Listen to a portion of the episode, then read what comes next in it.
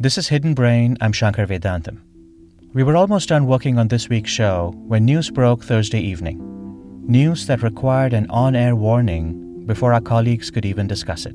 An Oval Office conversation turns vulgar. And I want to acknowledge what I'm about to say could offend some people. He asked why the United States would admit people from African nations, which he called shithole countries.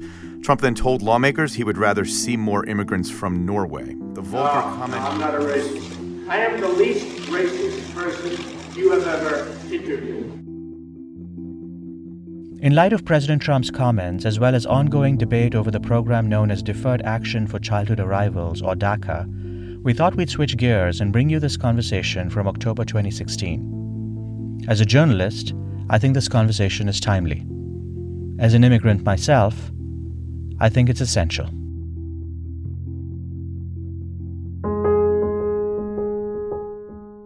Our airwaves are filled with debates about migrants, refugees, and undocumented immigrants. Who should be in the United States? Who shouldn't? And who should decide? It's an issue that seems to get to the core of who we are, who we want to be, and where we're headed as a nation. Today, we're going to take a fresh look at the issue by exploring what history can teach us about the patterns and paradoxes of immigration in a nation of immigrants. Support for this NPR podcast and the following message come from Texas Children's Hospital, providing care to children for more than 60 years and continuing to lead Texas and the nation in pediatric treatment and research. Locations and services can be found at texaschildrens.org. My guest today is Maria Cristina Garcia. She's a historian and professor of American Studies at Cornell University.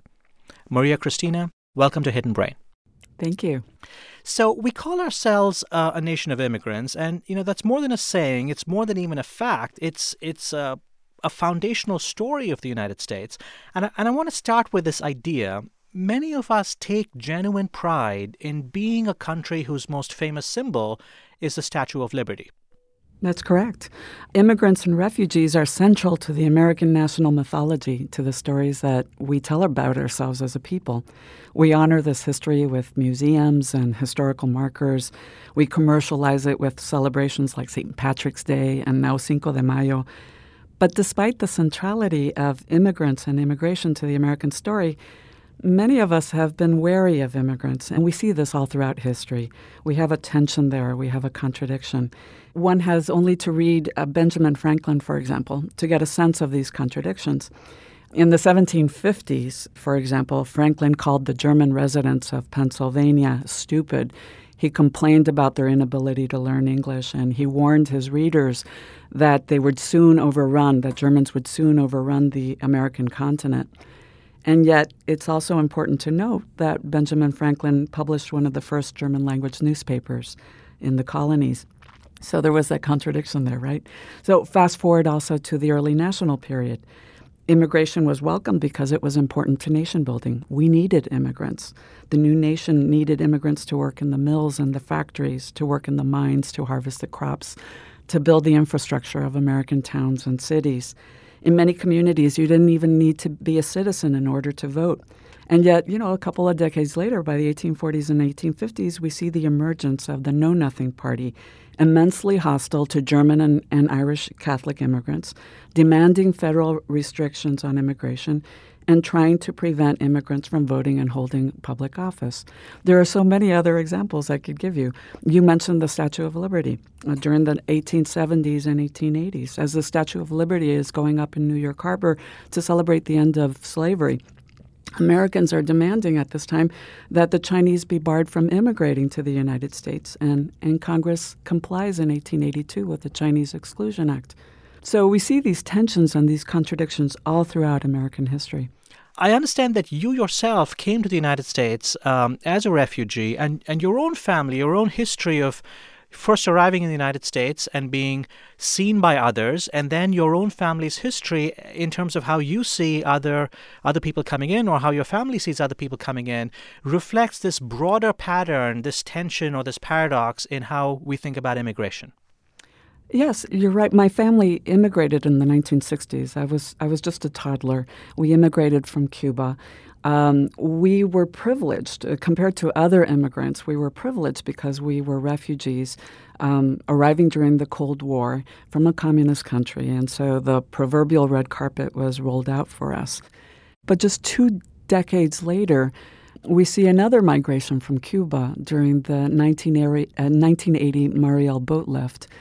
And by the 1980s, uh, those Cubans who had arrived earlier and were more established and had managed to move up the economic ladder and were feeling much more secure in their position began to feel very nervous about the new arrivals who were coming in from Cuba in 1980. Um, they wondered if these new Cubans who had grown up in a communist regime could truly understand democratic institutions, whether they could understand capitalism. And so these older Cubans, more established Cubans, wondered if the new arrivals um, would undermine everything that they had accomplished in South Florida and in other communities where they had settled. We see this with every immigrant group. When you look at American history, again, history can, can teach us a lot. You know, for example, in, in the 19th century, some of the most vitriolic voices of the anti Chinese movement were Irish immigrants and their children, who themselves had been much maligned. And now, in turn, they were directing a lot of that hostility towards newer arrivals, th- this time from China. Um, German Jews who had arrived in the early 19th century uh, were also highly suspicious and, and worried about the Eastern European Jews who migrated at the end of the 19th century because they too feared that their status in society would be uh, undermined by the newer arrivals. So I guess it's a, a very human response for those who are more established to worry about what the newer arrivals might do to undermine their hard work.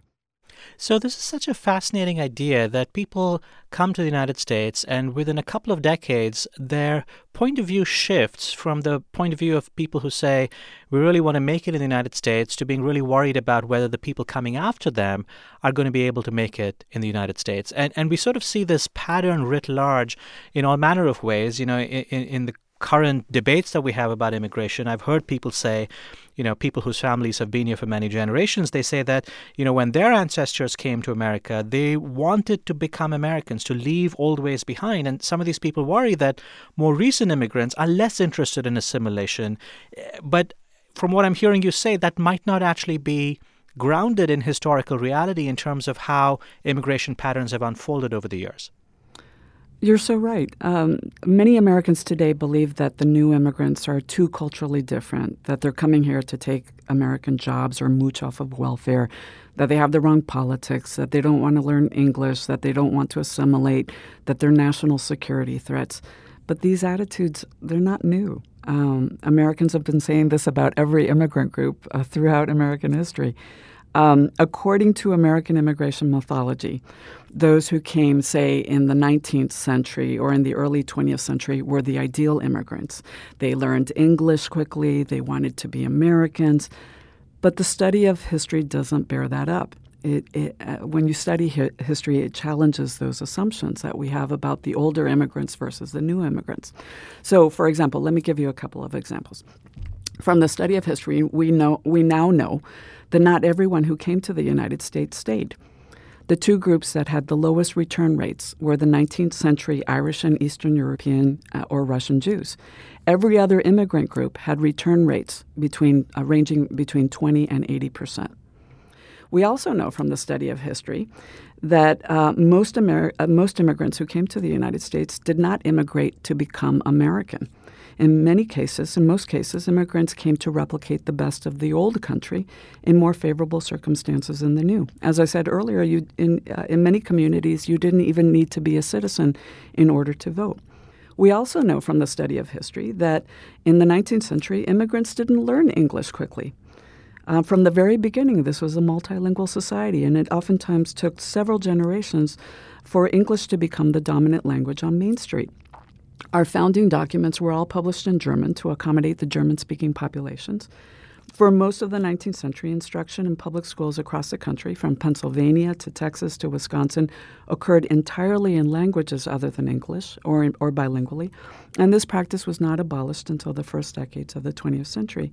So, the, our preoccupation today, in the early 21st century, with requiring linguistic and cultural conformity, that's really a, a recent phenomenon. From the study of history, we also know that immigrants didn't think of themselves as legal or illegal. They just didn't think in those terms. During much of our history, people moved across our borders with ease. If your ship docked outside of New York City, chances were you weren't even interviewed. Um, Congress passed the first immigration laws to control um, the movement of people um, beginning in the 1870s, but the mechanisms to enforce those laws were pretty few until the 20th century. Indeed, the first Border Patrol consisted of only a, a couple dozen men on horseback. So when someone says to me, My ancestors immigrated legally, why can't they? My first question is, When did your ancestors immigrate? Because if they immigrated in the 19th century or in the early 20th century, they simply didn't use that vocabulary. They didn't think in those terms. So clearly, much of the language around immigration has changed over time. But there are also ideas that have remained relatively constant. When we come back, I'll ask Maria Cristina about the long and tangled relationship between immigration and national security. Stay with us. Support for this NPR podcast and the following message come from GoToMeeting, a collaboration platform for the modern workforce. Businesses across the globe count on GoToMeeting for simple, reliable online meetings anywhere from any device. With nearly 60 million frictionless meetings supported each year, GoToMeeting is where real work gets done. Learn more at gotomeeting.com. Support also comes from TNT, presenting the new limited TV series The Alienist, based on the best selling Caleb Carr novel, Daniel Bruhl, Luke Evans, and Dakota Fanning star. Mondays at 9, 8 Central, premiering January 22nd on TNT. This is Hidden Brain. I'm Shankar Vedantam. Our debates over immigration are often framed in the context of national security, fears of terrorism to many of us, this feels relatively new, part of the 9 11 world we've lived in over the past 15 years. But Maria Cristina Garcia says that if we look at history, we start to see that our modern concerns are a new version of a story that's been told over and over again. Americans have been concerned about national security since the 19th century. One has only to look at the political cartoons of Thomas Nast, for example, to see how concerned uh, Americans were about Irish Catholics, for example. Thomas Nast produced these political cartoons warning Americans about all these Catholics um, who were coming to the United States, who were under the influence of the Vatican, who didn't understand democratic principles and, and would undermine democratic institutions. Um, and so that's an, uh, an early example of Americans concerned about national security. In the late 19th century, you see Americans expressing great concern about all the Southern and Eastern Europeans who are coming in who are anarchists and Bolsheviks and socialists who don't understand, again, don't understand American democracy, will understand, undermine American principles, American democratic institutions. Um, and, and this concern is, is strong enough that it, it forces Congress to pass a series of quota laws. Um, uh, barring immigration from Southern and Eastern Europe uh, we, we, see concerns about the Chinese and um, uh, other Asian groups. So, so we see that concern about national security uh, throughout American history. Um, Americans may not have used the exact term national security in the 19th century, but you see those concerns all throughout the history. I want to spend a little bit of time talking about the World War II period and the experience of uh, Japanese Americans uh, in the United States, because it seems like that's certainly a moment where concerns about security and concerns about loyalty to the United States intersected with how we were thinking about an immigrant group.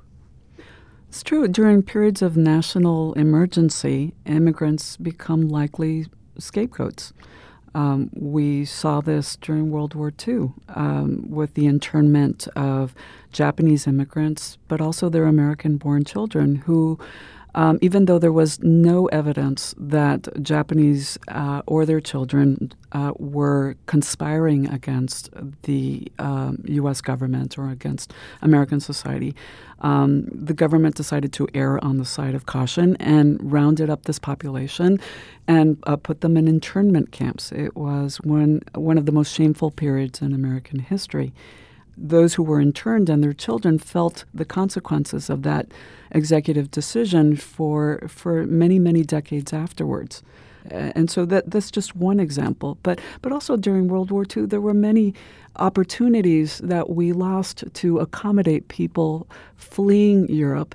And we lost that opportunity because we feared, again, uh, we, we were concerned with national security. We, we feared that among the refugees, among the immigrants, would be um, spies and saboteurs that would undermine the United States.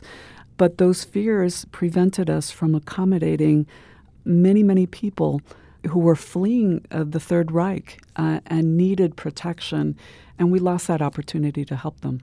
When you look at the experience of Jewish uh, immigrants and refugees uh, around the time of World War II, around the 1930s, 1940s, paint me a picture of what happened. The popular narrative is that you know there were many European Jews who did make it to the United States, many of whom were involved in the scientific uh, research that helped the United States eventually win World War II. But was that sort of a general experience? Did the United States, was the United States generally welcoming to Jewish refugees from Europe in the middle of the 20th century? No, um, we weren't actually. Uh, many historians feel that our policies were highly anti Semitic during this period. We lost many opportunities to allow uh, Jewish refugees to come to the United States. The most classic example is the SS St. Louis, a ship carrying over 900 passengers who were fleeing Europe.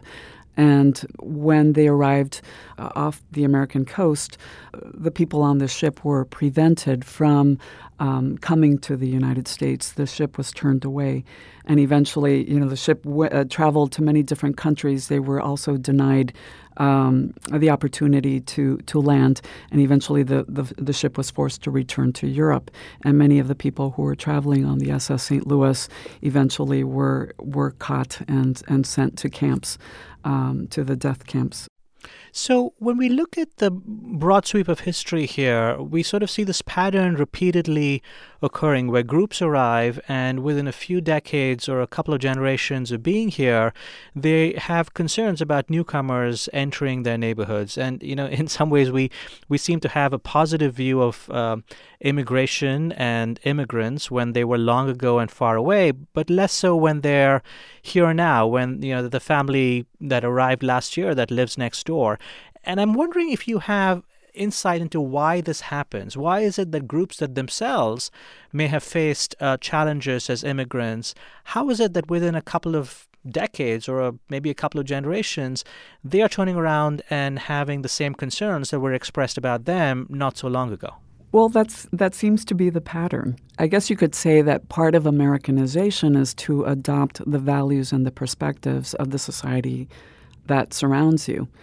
Um, and it also becomes a, a, defense mechanism. It becomes a way of proving your membership in the society to adopt those values and to reflect those values out, to demonstrate that you are a member of the in group and, and not the out group.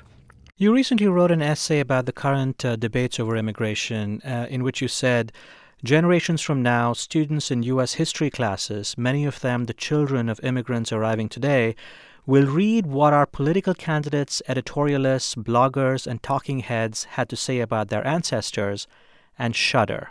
What did you mean by that? When I teach courses in immigration history and we read the um, editorials and the newspaper articles and the uh, broadsides that were published in the 19th and in the early 20th century, my students often shake their heads and wonder how Americans could have ever had those feelings or those thoughts or perspectives. Uh, they they laugh nervously. But then when we compare those editorials and newspaper articles and broadsides to some of the editorials and blogs and newspaper articles today, they see the continuities.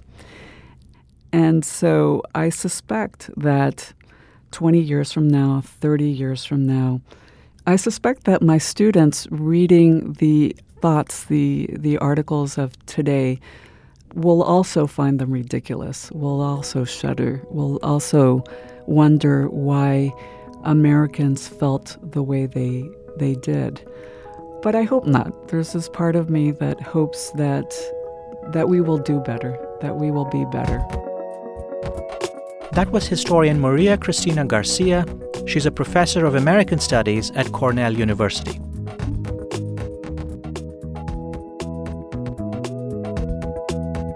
Hidden Brain is produced by Jenny Schmidt, Maggie Penman, Rayna Cohen, Renee Klahr, and Parth Shah. Our supervising producer is Tara Boyle. This week, our unsung hero is Stuart Harding. Stuart's one of NPR's lawyers. He does many things for us, from working late on a Friday to draft the rules for a t shirt giveaway, to writing the contracts for actors who will appear in an upcoming episode of the show. Thank you, Stuart, for all that you do for us and all that you do for everyone at NPR. I'm Shankar Vedantam, and this is NPR.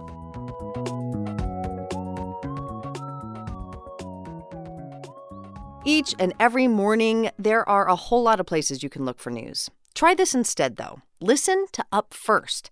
Up First is the morning news podcast from NPR. One tap, and 10 minutes later, you have started the day informed. Find Up First on the NPR One app and wherever you listen to podcasts.